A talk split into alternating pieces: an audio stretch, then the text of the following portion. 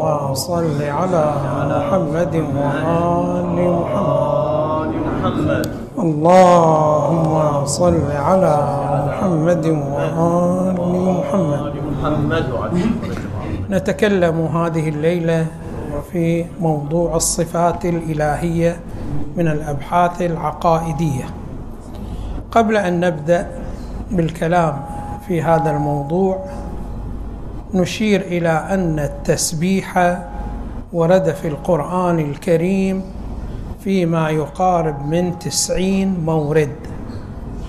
فمر الله سبحانه وتعالى يقول سبح بصيغة فعل الأمر وأخرى بصيغة فعل المضارع وأخرى بصيغة المصدر وإلى آخره.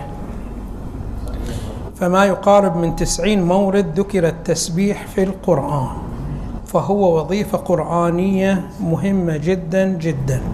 ولا يمكن الإتيان بالتسبيح كما يريده الله سبحانه وتعالى إلا بفهم موضوع الصفات في الأبحاث العقائدية. لماذا؟ لأن التسبيح هو عبارة عن تنزيه الله سبحانه وتعالى عن كل وصف لا يليق به. وبدون دراسة علم العقائد لا يمكن أن يعرف الإنسان والعبد أن يعرف الصفات التي تناسب الله سبحانه وتعالى والذي لا تناسب الله سبحانه وتعالى. هذه مسألة. والمسألة الثانية أن التسبيح له عدة مراتب. فهناك تسبيح لفظي وهذا بإمكان الجميع أن يأتي به وهناك تسبيح قلبي. والكثير منا إذا لم يكن مطلع على علم العقائد وكيف يصدر منه التسبيح العملي فلن يستطيع أن يحقق هذه الوظيفة الشرعية. النقطة الأولى التي نريد أن نتعرض لها هناك مشكلة إنسانية فيما يتعلق بالمعرفة. دائما الإنسان إذا أراد أن يتعرف على شيء من الأشياء فإنه دائما يسقطه على ما يتعرف عليه من الأشياء التي يلامسها. فالآن مثلا عندما نقول الله سبحانه وتعالى عالم. خب هذا العالمية يوصف بها الإنسان ويوصف بها الله سبحانه وتعالى يوصف بها الملك.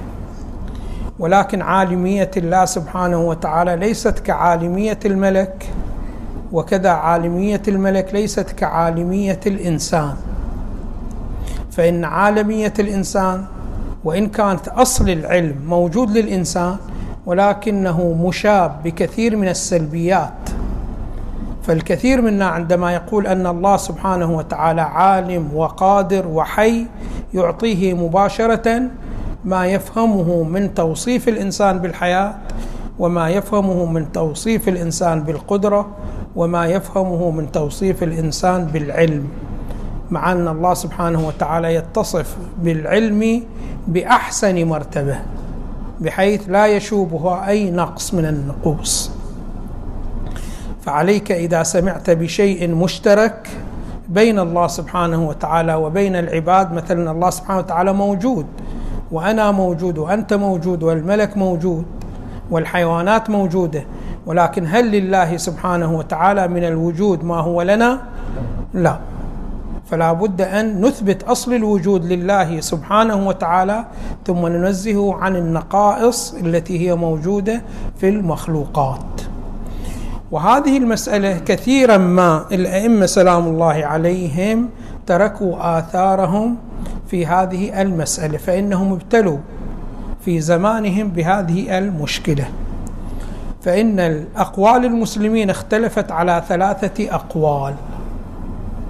وكان الأئمة سلام الله عليهم دائما وأبدا باعتبارها أن وظيفة التسبيح وظيفة جدا مهمة ويرون المجتمع متخلف عن كذا وظيفة فكانوا دائما في صدد تعليم المسلمين كيف يسبحون الله سبحانه وتعالى. فهناك فئة من الفئات قالت بأن الله سبحانه وتعالى يتصف بالصفات على نحو ما يتصف به المخلوقات. فإذا تقول أن الله سبحانه وتعالى له وجود يعطونه نفس الوجود الذي هو لنا. فلذلك قادهم هذا إلى مسألة التجسيم وإلى التشبيه. فإحنا وجودنا وجود مادي فإذا قلت أن الوجود الذي لله سبحانه وتعالى هو نفس وجودنا معنى الله سبحانه وتعالى له وجود مادي. وإذا كان له وجود مادي فله مكان وله زمان وله حدود وإلى آخره. وهؤلاء شنو ماذا؟ المشبهة. طائفة ثانية قالت لا الله سبحانه وتعالى يختلف عنا فله صفات يختصه وبها وليس لنا نحن هذه الصفات.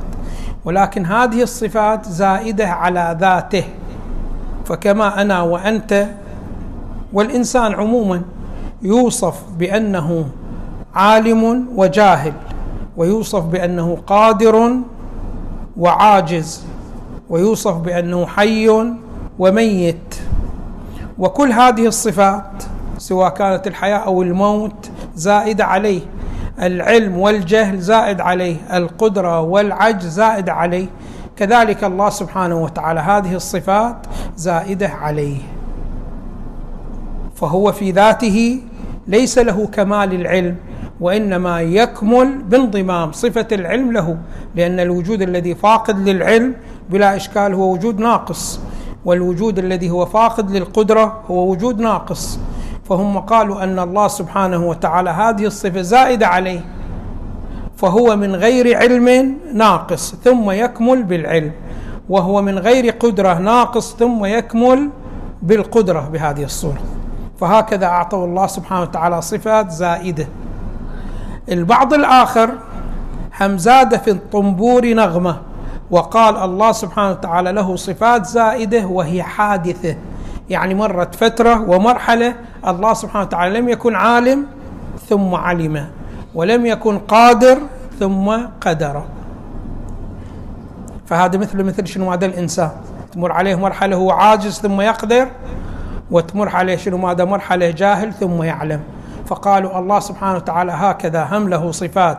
زايده على ذاته وأيضا هذه الصفات ليست معه دائما وابدا وإنما هي حادثة كما نحن البشر. والبعض الثالث جاء وقال الله سبحانه وتعالى ليس له صفات من الأساس. كيف؟ قالوا ليس له صفات ولكنه يعمل عمل المتصف بالصفات. فالله سبحانه وتعالى ليس بقادر ولكن فعله فعل من له قدرة. وليس بعالم ولكن فعله فعل من له العلم. هكذا البعض. الإمام سلام الله عليه الصادق سلام الله عليه وكذلك الإمام الباقر وكذا بقية الأئمة. حاربوا هذه المسألة ودعوا إلى أن الله سبحانه وتعالى ليس فيه نقص ابدا. وإنما هو كامل بل هو فوق الكمال. يعني شنو ماذا فوق الكمال؟ يعني الله سبحانه وتعالى نحو وجود مو أنه ما في أحد أكمل منه هي فارغين منها. وإنما لا يمكن للعقل أن يتصور مرتبة ويفرض مرتبة هي أعلى من الله سبحانه وتعالى. هذا هو توحيد الصفات لأهل البيت سلام الله عليهم. فهو العالم وهو شنو؟ ماذا القادر وهو الحي وإلى اخره صفات الكمال كلها هي عينه. فلاحظوا الآن شيء من الأشياء بأنه كل شيء سوى الله سبحانه وتعالى فإنه يتصف بالصفات المتضادة. فأنت أي شيء من الأشياء يجوز لك أن المخلوقات توصف بأنه جاهل وتوصف بأنه عالم توصف بأنه قادر وبأنه عاجز توصفه بأنه حي وتوصفه بأنه ميت. أما الله سبحانه وتعالى لا بمجرد أن تفرضه فقد فرضت الكمال كله. لماذا؟ لأن الكمال عين الله سبحانه وتعالى. فالله سبحانه وتعالى مو مرة يكون عالم وأخرى يكون جاهل لا. وإنما هو دائما عالم. لماذا؟ لأن علمه عين ذاته. فبمجرد أن تفرضه فقد فرضت العلم. يعني شلون أنت الآن الإنسان؟ الإنسان يقولون إذا حللنا كلمة الإنسان فإنها معناها حيوان وناطق. شنو معنى الحيوان؟ الحيوان معناه يعني يدرك الجزئيات ويتحرك بالإرادة. وناطق عبارة عن شنو؟ ماذا عن تعقل الكليات بإمكانه التفكير والانتقال من المعلوم إلى المجهول. فهنا يقولون أنت الإنسان إذا فرضت إنسان فهو متحرك بالإرادة وهو مدرك للجزئيات. يعني يدرك أن هذا زيد هذا شنو؟ هذا هذا عمرو. ثم أنه هي بما هو حيوان. ثم أنه بما هو إنسان يدرك الكليات. فيستطيع أن يدرك الإنسان من غير إدراك الإنسانية في قالب زيد أو في قالب عمرو. ثم بإمكانه أن ينتقل من هكذا معلومات إلى مجهولات. هذه شنو ماذا خصوصية الإنسان؟ فأنت بمجرد أن تفرض الإنسان فقد فرضت حيوانيته وفرضت ناطقيته. فأنت ما عندك الإنسان ينقسم إلى قسمين. عندنا إنسان حيوان وقسم مو حيوان. عندنا إنسان ناطق وإنسان غير ناطق. لا الإنسان دائما إذا فرضته فقد حصلت الحيوانية وحصلت شنو ماذا؟ الناطقية. مثل الآن الاثنين. الاثنين يقولون حقيقة الاثنين هو عبارة عن تكرر الواحد مرتين. يصير شنو ماذا؟ الاثنين. فأنت ما تستطيع أن تقول عندنا اثنان تكرر فيها الواحد مرتين وإثنان ما تكرر فيها الواحد مرتين. ما عندنا هكذا. وإنما دائما وأبدا بمجرد أن تفرض اثنين فقد تكرر الواحد فيها مرتين. كذلك هنا الله سبحانه وتعالى بمجرد أن تفرض الله سبحانه وتعالى فقد فرضت كل الكمال.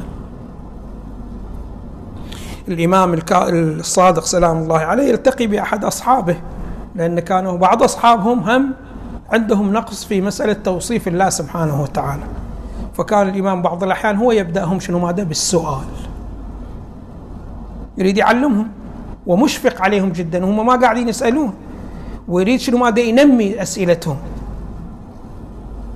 الكثير منا يفكر بأنه الدين فقط هو الحلال والحرام والنجس والطاهر فيختزل الدين فقط في هذا الجانب مع أنه لا الدين شنو ماذا؟ دائرته وسيعة. وعليك شنو ماذا؟ أن تلتزم الدين حيث يأمرك أن تلتزم. فلا تتمدد في قسم على حساب الأقسام الأخرى. دائما شو نشوف الدين شنو يطلب من عندك أنت تتمدد بحسب إرادة الدين؟ مو لأنك أنت تشتهي موضوع معين تتمدد فيه وتترك الموضوعات المهمة. فالآن مسألة الحلال والحرام عليك بالالتفات والاهتمام بالمسائل اللي أنت تبتلي بيها وتقع موقع ابتلاءك. أما شلك تروح تهتم بحفظ المحرمات ما شاء الله. وأنت مي موقع ابتلاءك. والنجاسات والطهارات التي أنت شنو ماذا ما تبتلي بها. لا تتمدد وتغفل عن الأمور العقائدية التي هي وظيفتك ومطلوبة منك. فدائما شنو ماذا؟ التفت إلى هذه المسألة. فيأتي له أحد واحد من أصحابه الإمام سلام الله عليه الصادق. يقول له صف لي ربك. أنت مو عندك رب؟ صف لي هذا الرب. قال له عالم. قال له الإمام سلام الله عليه تلك صفة تكون لك وتكون لي. أنت عالم وأنا عالم. والله شنو عالم يعني؟ ما فيها شنو ماذا فخر. قال له هو قادر. قال له وتلك أيضا صفة لك ولي وإلى آخره. قال له والله أنا هذا اللي أعرفه. كيف أقول سيدي ومولاي قال له قل هو علم كله. هو قدرة كله. يعني شنو ماذا قدرة كله؟ إذا قلت عالم معناه أنه هو شيء وانضم إليه العلم وصار عالم بمن؟ بالعلم. قادر معناه هو شيء وانضمت له القدرة وصار شنو ماذا؟ قادر. أما إذا قلت هو علم كله يعني إذا فرضت فقد فرضت العلم. وإذا فرضت القدرة فقد فرضت إذا فرضته فقد فرضت القدرة بهذه الصورة. فالله سبحانه وتعالى بهذا النحو يتصف بالصفات. الآن إحنا طبعا مأمورين بقراءة روايات أهل البيت سلام الله عليهم. واضح شلون؟ يعني إحنا مو فقط عندنا القرآن الآن البعض يسوي له في برنامجه وهذا الأمر مرجو يعني من الكل أن عنده شنو ماذا مطالعة في القرآن يوميا. يقول الإمام الصادق سلام الله عليه بأنه يعني العبد عليه أن ينظر يوميا في القرآن لا أقل خمسين آية. فإنه شنو ماذا ميثاق الله سبحانه وتعالى الذي جعله على العبد فعلى الإنسان أن ينظر في ميثاقه لا أقل شنو ماذا يوميا خمسين آية. على أي حال على كل واحد منا أن يلتزم شنو ماذا بالقرآن. هسه يمكن خمسين آية ما يستطيع أن يلزم نفسه فلا يترك. يلتزم شنو ماذا بعشر آيات يومية يقرأ في القرآن. أو حتى شنو ماذا خمس آيات جدا جيد. فإن القليل المدوم عليه خير من الكثير المتروك. فإحنا إذا لزمناكم بخمسين مع هذا الزمان منه راح شنو ماذا يلتزم؟ خصوصا أنت عندك بعض الآيات جدا آيات طويلة. الآن إذا أخذت لك آيات من سورة الصافات خمسين آية كلهم شنو ماذا في صفحة واحدة. لأن الآيات جدا شنو ماذا قصيرة. أما إذا جئت إلى آيات مثلا موجودة في سورة البقرة كل آية ما شاء الله نص صفحة. واضح شلون؟ إيه. فما راح شنو ماذا أحد يلتزم. فالتزموا حتى شنو ماذا بمقدار خمس آيات. إذا دمتون عليها ففيها الخير والبركة. كذلك نحن مأمورون بأن نقرأ آثار الأئمة سلام الله عليهم. فإنها توضح وترشدنا إلى الأمر المراد من القرآن الكريم. وكذلك من الآثار المدونة في الكتب آثار أمير المؤمنين سلام الله عليه في كتاب شنو ماذا؟ نهج البلاغة. الآن في نهج البلاغة أول خطبة في خطب أمير المؤمنين سلام الله عليه نقرأ هذه العبارة وهذه العبارة تحدث لنا تشويش. قال علي بن أبي طالب سلام الله عليه وكمال توحيده الإخلاص له. يعني حتى تكون أنت موحد توحيد تام عليك أن تخلص لله سبحانه وتعالى. ثم قال وكمال الإخلاص له نفي الصفات عنه. فهنا البعض يقول شلون؟ علي بن أبي طالب يقول شنو ماذا؟ بنفي الصفات عنه. والقرآن مملوء بتوصيف الله سبحانه وتعالى. من أول آية تبدأها بسم الله الرحمن الرحيم. الرحمن صفة. الرحيم صفة. وهكذا القرآن مملوء من أوله إلى آخره توصيف لله سبحانه وتعالى. فكيف يقول أمير المؤمنين سلام الله عليه؟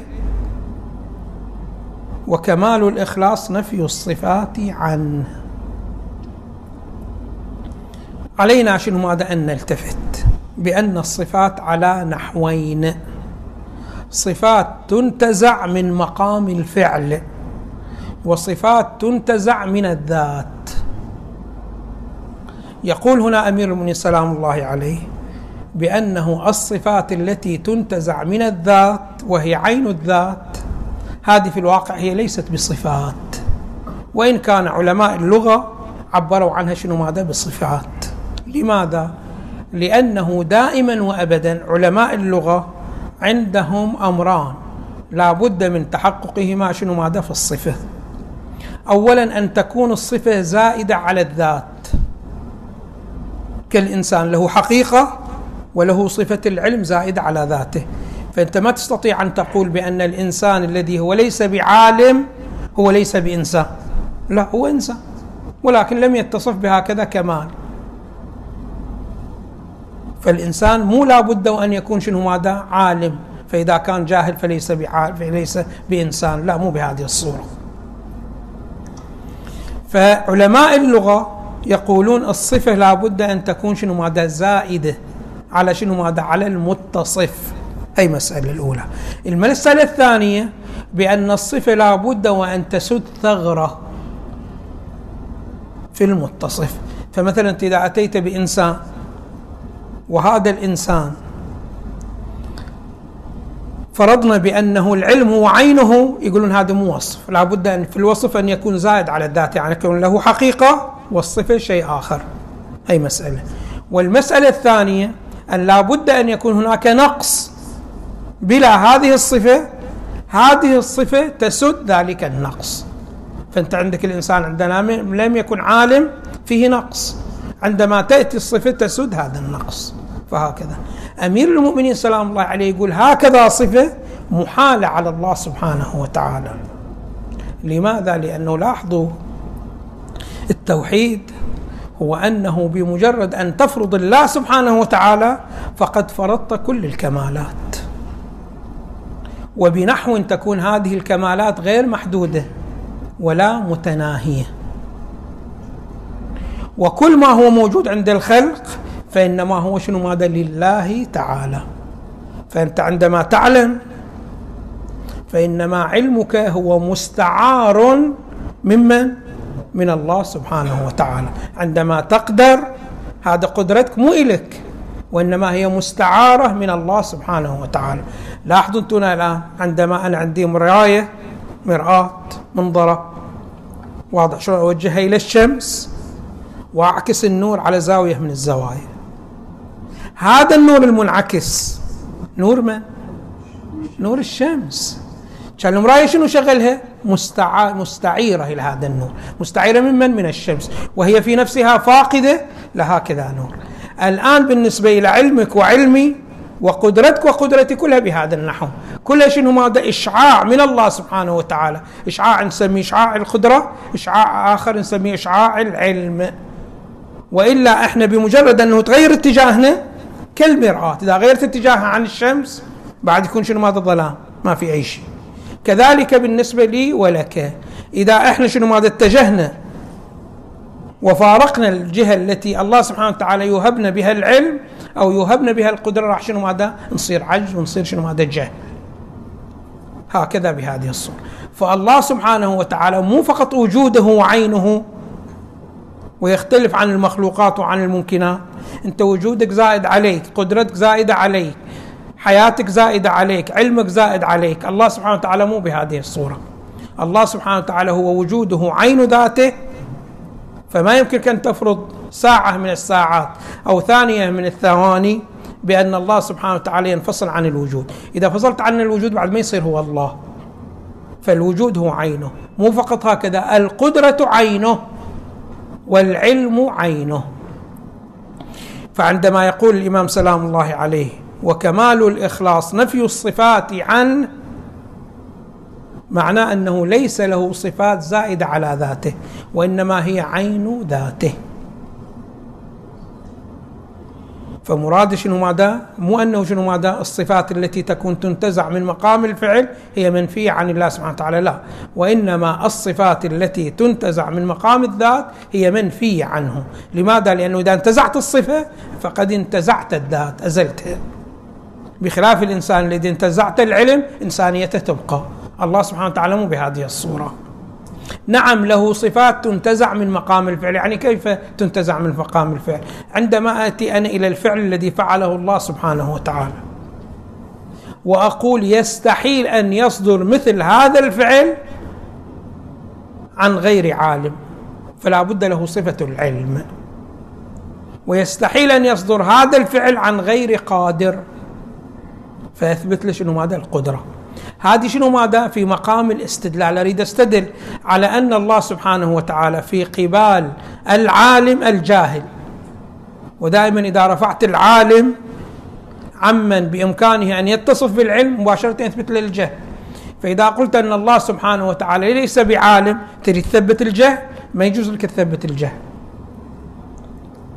فإن الله سبحانه وتعالى إذا قلت هو الله سبحانه وتعالى فيثبت له كل الكمال وبلا إشكال العلم شنو ماذا كمال؟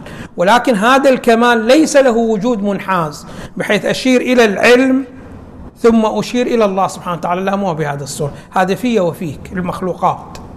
أما الله سبحانه وتعالى ليس فيه هكذا نحو. ولكن إذا أردنا أن نستنتج بأنه هو عالم ننظر في مخلوقاته. ونقول هذه المخلوقات يستحيل أن تصدر عن غير عالم أن تصدر عن غير قادر. بهذه الصورة وبهذا النحو. الله سبحانه وتعالى يتصف بالحياة. واضح شلون؟ ويقولون الحياة هي عبارة عن أمر مجهول الكن يعني إحنا ما نعرف حقيقة الحياة شنو. ولكن نعرف بأن الشيء إذا صار في حياة يستطيع أن شنو ماذا؟ أن يفعل بإراده ويستطيع أن يعلم. فكل شيء نوصفه بأنه حي معناه أنه يعلم ويفعل بإراده. فهذا يكشف عن أنه الفعل عن إراده والعلم ملازمان للحياة. فلذلك بعض العلماء قال بأنه الحياة هي مبدأ وسبب أن تكون مريد وسبب أن تكون عالم. والبعض الآخر قال بأنها هي ملازمة للحياة. أما الحياة حقيقة ما حد يمكن شنو ماذا أن يعرفها إلا الله سبحانه وتعالى. خب الحياة الله سبحانه وتعالى هل يتصف بالحياة أم لا؟ يقولون بلا أشكال يتصف بالحياة. لماذا؟ لأنه هذه الحياة التي هي موجودة في العالم إحنا نشاهد حياة موجودة. فيك حياة وفي حياة وإلى آخره. هذه الحياة هل هي لها فاعل أم ليس لها فاعل؟ بلا إشكال شنو؟ هذا ليس لها بلا إشكال لها فاعل. باعتبار أنها لم تكن ثم كانت. وكل شيء لم يكن ثم كان فله فاعل. خب من هو فاعلها؟ بلا إشكال إما أن يكون فاعلها الله سبحانه وتعالى أو ينتهي الفاعل إلى الله سبحانه وتعالى. خب إذا كانت الحياة معطاة من قبل الله سبحانه وتعالى فهل يمكن أن يكون المعطي فاقد لما أعطاه؟ قطعا لا. فالله سبحانه وتعالى شنو ماذا حي بهذا الدليل؟ بأن الحياة التي هي موجودة في عالم الإمكان من خلقه هو ولا يصح أن يعطي شيء وهو فاقد له. وكذلك العلم الذي هو موجود عندي وعندك منه هو. وكذلك القدرة فيستحيل أن يعطي القدرة وهو فاقد لها ويستحيل أن يعطي العلم وهو فاقد له وهكذا شنو ماذا الحياة؟ فهو حي وعالم وقادر. ولكن هذه العلم والحياة مو بشيء منفصل عن ذاته تعالى. فإن الإمام سلام الله عليه يقول لكم هذا الموضوع جدا شنو ماذا مهم. يجي شخص للإمام الرضا سلام الله عليه قال لي بأنه أنا التقيت بشخص من الملتحلين ولايتكم يعني مسجل عليكم. يقول بأن الصفات زائدة على الذات ويقول بأن الله سبحانه وتعالى عالم بعلم. يعني إذا تركت العلم عنه فصلت العلم عنه لا يكون عالم وإنما عالم بعلم. واضح شنو الإمام الرضا ماذا يقول؟ يقول هذا ليس من شيعتنا وليس من منتحلي ملتنا وإنما هذا مشرك. يعني هذا حتى مو منافق. هذا شنو؟ هذا مشرك. لماذا؟ لأنه عندما يتوجه إلى الله سبحانه وتعالى في الواقع ما يتوجه إلى واحد. يتوجه إلى الله وهو شيء والعلم شيء آخر. فهو مشرك. بل من أوضح مفردات شنو؟ هذا الشرك. توجه إلى الله سبحانه وتعالى الذي يكون العلم عينه. وهو عين العلم وبمجرد أن تفرضه فقد فرضت العلم مو تتوجه إلى الله سبحانه وتعالى الذي يعلم بعلم زائد أو يقدر بقدرة زائدة. والحمد لله رب العالمين. وصلى الله على محمد وآله الطيبين الطاهرين. اللهم صل على محمد وآله